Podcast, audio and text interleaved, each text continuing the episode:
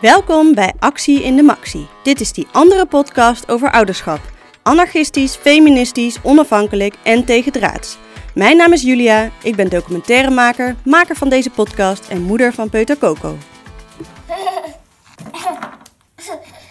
Ja, aflevering 5 van Actie uh, in de Maxi. Um, Um, het heeft even geduurd voordat hij er was. Het wordt ook een beetje een rommelige en van de hak op de tak aflevering kan ik jullie alvast vertellen. Ik heb geen gast, maar ik heb wel allerlei leuke gedachten, um, mijmeringen over het einde van het jaar, goede of misschien wel slechte voornemens, feitjes, ideeën, anekdotes, dingen die ik tegenkwam. Dus stay tuned.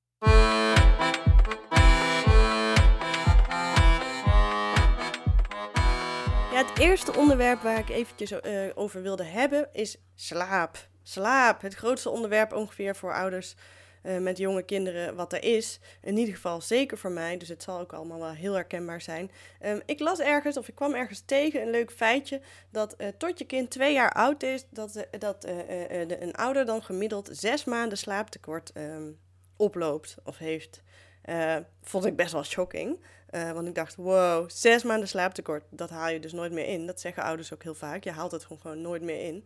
Um, en natuurlijk vroeg ik me wel meteen van alles af. Van geldt dit voor beide ouders? Hoe is dit voor alleenstaande ouders? Is er een verschil tussen vaders en moeders? En hoe gaat het als er twee moeders zijn of twee vaders? Um, ja, de conclusie is eigenlijk dat slaap gewoon echt een mega onderwerp is. En als ik terugdenk aan de afgelopen twee jaar, dan, uh, dan, ja, dan, dan kan ik dat beamen.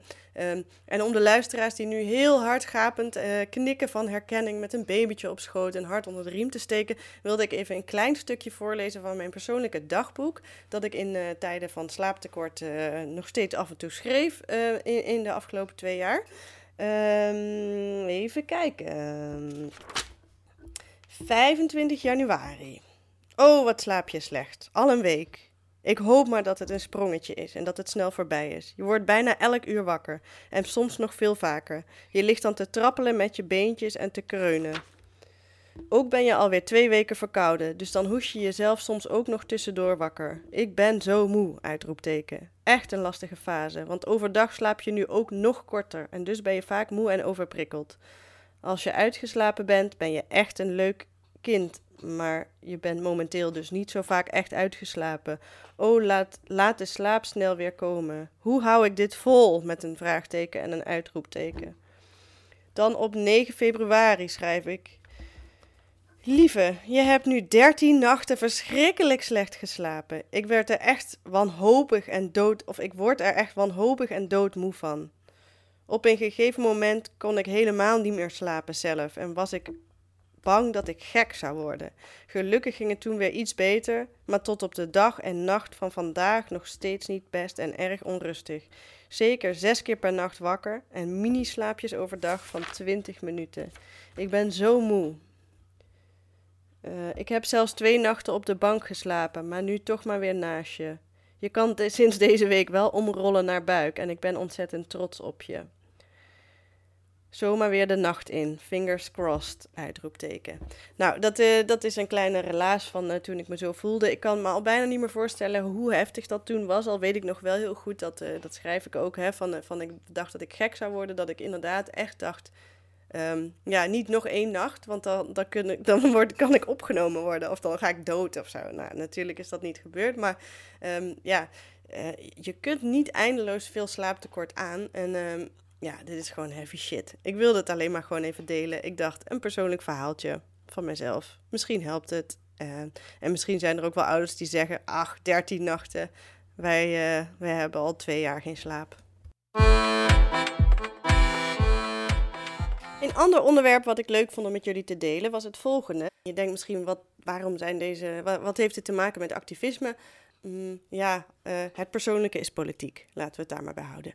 Uh, een uh, vriendin van mij, een bevriende alleenstaande ouder, S, die vertelde mij het volgende. ze liep in een kringloopwinkel met haar super energieke peuter van zo'n 2,5 jaar oud, D. Ehm, en die peuter eh, die, eh, die ging daar uh, flink huishouden. Dus die rende daar rond en die ging alles pakken en die dreigde dingen kapot te smijten. Zoals waarschijnlijk mensen dat herkennen, zoals dat kan gaan met, met peuters. maar dat dreigde echt een beetje uit de hand te lopen, waardoor S dacht, oké, ik ga... Um, ik zet de peuter in, in, in, het, in de kinderwagen en ik snoer haar in.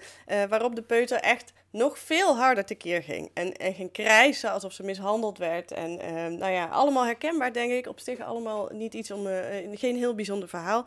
Alleen het was gewoon wel heel heftig. En als moeder of als vader of als mens, ouder, is dat gewoon heel heftig om het dan ook te doen. Om je kind dan te forceren in zo'n wagentje. Maar er, zat gewoon niks anders op. Het moest gewoon even op dat moment. Um, en er was een andere moeder in die winkel en die draaide zich om en die zei tegen haar... Um, dit is heel normaal peutergedrag. Jouw kind is heel normaal. Jij bent een hele normale moeder. Je bent een hele goede moeder. Dit is een totaal normale situatie. Ik herken dit. Hou vol. Het wordt beter. En ik vond het eigenlijk zo'n leuk verhaal. Zij vond het natuurlijk ook leuk, daarom deelde ze het ook met mij. Uh, en zo ontzettend fijn ook om op dat moment zoiets te horen. En uh, ik kwam zojuist op Twitter iets anders tegen. Een vrouw die zei, ze liep met haar krijsende kindje over straat... die maar niet wilde stoppen met huilen. Een babytje was het. Um, en uh, ze liep achter een andere vrouw. En die vrouw die keek tot vier keer heel boos en zuchtend naar haar om... Um, en die zei natuurlijk niks, of die zei niks, uh, alleen haar gezicht sprak boekdelen. En deze moeder in kwestie met het krijzende babytje uh, voelde zich enorm uh, um, veroordeeld. En, en die, dat voelde ontzettend rot. En daardoor brak een heel relaas los van allerlei ouders die allemaal situaties hadden waarin ze dan met een, in een vliegtuig hadden gezeten. Of ehm, met een huilend kind of in een supermarkt liepen. En um, ja, toen, toen moest ik ook zelf denken aan, aan de tijd dat ik nog geen kind had, waarop ik waar, waarbij ik ook best wel niet zo tolerant was voor uh, huilende kinderen. Want het is gewoon super irritant natuurlijk. Huilende baby's, oh, ik moet er echt niet aan denken om in een vliegtuig te zitten of in een trein of zo met een, een kind dat, dat urenlang huilt. Dus ik begrijp dat ook heel goed. Het helpt alleen zo ontzettend niet om zeg maar, de ouders op zo'n moment dat te laten weten. Dat wilde ik eigenlijk eventjes met dit onderwerp zeggen. Het helpt echt niet. En wat wel heel erg helpt, is wat die vrouw uh, in die kringloopwinkel deed uh, naar mijn vriendin S. Um, gewoon even iemand een hart onder de riem steken en zeggen dat het heel normaal is. Dat je kind ook niet een slecht kind is of zo, of een stout kind. Uh, en dat jij het gewoon goed doet en dat mensen dit gewoon herkennen. Want als ik iets heb geleerd van het ouderschap, is het wel dat het niet zo heel veel te maken heeft met opvoeding als je kind soms dit gedrag vertoont. Um, het hoort er gewoon bij, bij het opgroeien. Wanhoop, kinderen kunnen zich nog niet volledig uiten. Het is gewoon heavy shit. En als ouder, zeker na al dat slaaptekort van het vorige, vorige onderwerp, um, ja, is dit gewoon uh, zo heftig om mee te dealen. En uh, ik zou zeggen, laten we iets meer solidair zijn met elkaar. En um, ja, mensen af en toe een hart onder de riem steken. En, en, en gewoon even ook vertellen hardop dat ze het eigenlijk best wel goed doen. In die zin, persoonlijk is politiek.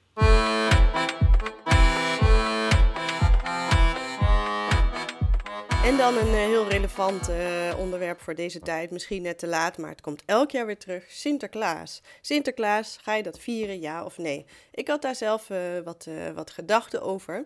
Um, ik wist het namelijk nog niet zo goed. en daar waren een aantal redenen voor. natuurlijk is er de racistische geschiedenis rondom Zwarte Piet. Maar zelfs Sinterklaas met regenboogpieten of groene pieten of wat dan ook, had ik zo mijn twijfels bij. Um, en daar waren een aantal redenen voor. Um, ik, ik merkte bij mezelf dat ik me oncomfortabel voelde met het uh, in stand houden van, van de mythe van het bestaan van Sinterklaas. Um, uh, en ik, ik weet ook niet, niet helemaal precies waarom, maar ik, had gewoon, ik merkte dat ik zelf dacht, eigenlijk al heel lang, misschien al wel toen voordat ik een kind had, van dat ga ik niet doen. Ik ga niet mijn kind wijsmaken dat hij echt bestaat en dat vooral niet in stand houden. Daar heb ik gewoon geen zin in, daar doe ik niet aan mee. Um, Tegelijkertijd is het natuurlijk ook een soort, ja, de goed heilig man, een heel religieus iets. Daar heb ik eigenlijk ook, uh, ik heb geen problemen met andermans religie, maar ik ben zelf echt wel atheïstisch. En, en, en ik, um, ja, ik, ik had niet zo'n zin om, om zo'n zo'n heilig figuur uh, dan ook nog in een soort theaterstukje in stand te houden. Um, en dan is er natuurlijk ook nog het kapitalistische onderdeel ervan, dat, het, ja, dat kinderen gewoon bedolven worden onder de cadeautjes. En om heel eerlijk te zijn, ik, eh, ik ben best wel anticapitalistisch en anti-kopen en nieuwe spullen en zo. En ik probeer heel duurzaam te leven. Uh, maar mijn dochter van twee heeft echt al zoveel cadeautjes gekregen. Dat is voor haar echt al bijna aan de orde van de dag, zeg maar. Want er komt altijd wel weer iemand langs. En ja, wij vinden bijvoorbeeld ook best vaak dingen op straat. En dan uh, komen moeder weer iets in de kringloop. En dat is misschien allemaal wel heel duurzaam. Maar het blijven natuurlijk cadeautjes, hebben dingen.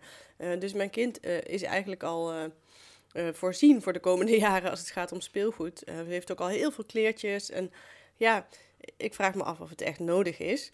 Um, en ik merkte dus dat, um, dat ik dit jaar uh, heb ik sowieso besloten om het over te slaan. Want ik dacht, ze is twee, dus ja, boeien. Uh, dat zien we volgend jaar wel. Maar zij kwam natuurlijk wel van de opvang thuis met um, Sinterklaasliedjes die ze al begon te zingen. Ze, ze, zag overal afbeeldingen van Sinterklaas die ze gelijk herkende en benoemde. En ze had duidelijk door dat het een spannende, leuke tijd was en dat er iets met cadeautjes was. Nou, op de opvang mochten de schoentjes gezet worden. Daar zat gelukkig alleen een mandarijntje in, maar... Um, het was wel echt een thema. Uh, en op een gegeven moment zag ik op de app van de opvang dat ze een kringgesprek hadden gehad en dat alle kinderen iets hadden verteld over het weekend met pakjesavond en wat voor cadeautjes hadden gekregen. En dat Coco heel verlegen was geweest, Coco mijn dochter, uh, en uiteindelijk had verteld dat ze um, ook een cadeautje in haar schoen had gekregen. En ik merkte bij mezelf een heel gek gevoel. Enerzijds dacht ik, Volgens mij is ze nog te klein om zoiets echt te vertellen en echt te snappen, want ze is pas twee.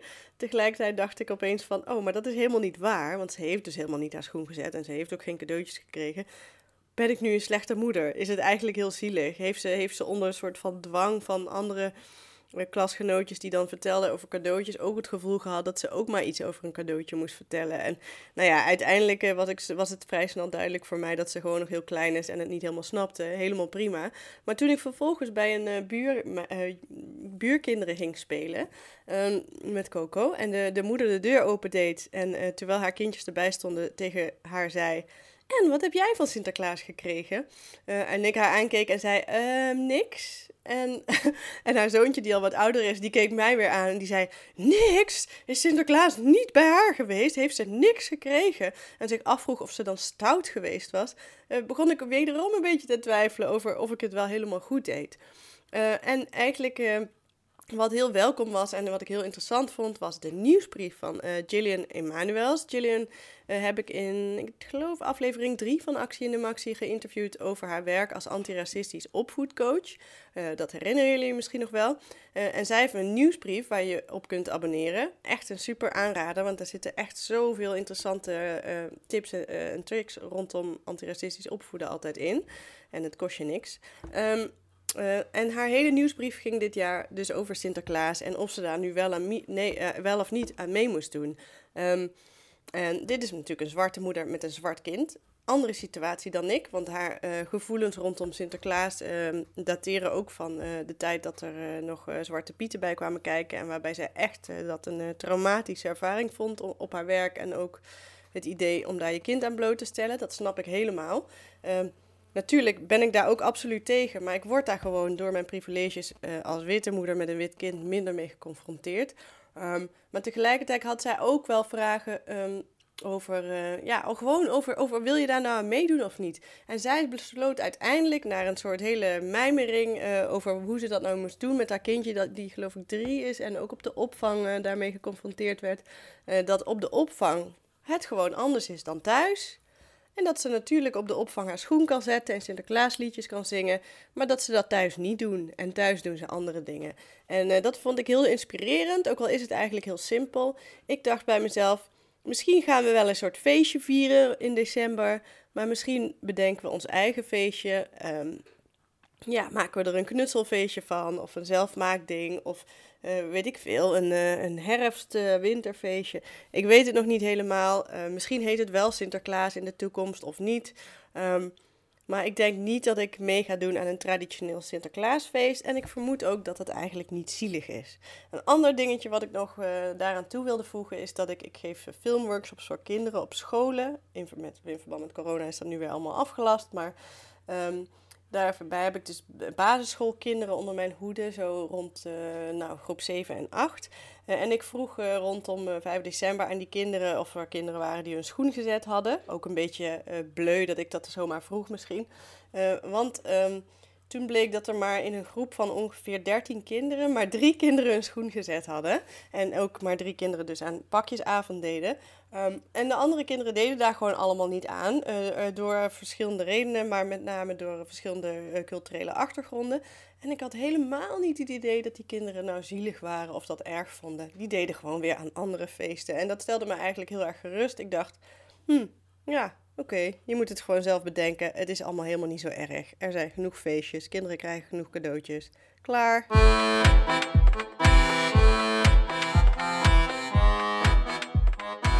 Mooi bruggetje misschien van Gillian Emanuels naar het volgende onderwerp is Activistisch Festival 2DH5. De meeste luisteraars zullen het wel kennen. Het gaat dit jaar ook weer plaatsvinden in Amsterdam uh, op de locatie Rue Paré um, uh, op 26 en 27 februari, als ik het goed heb.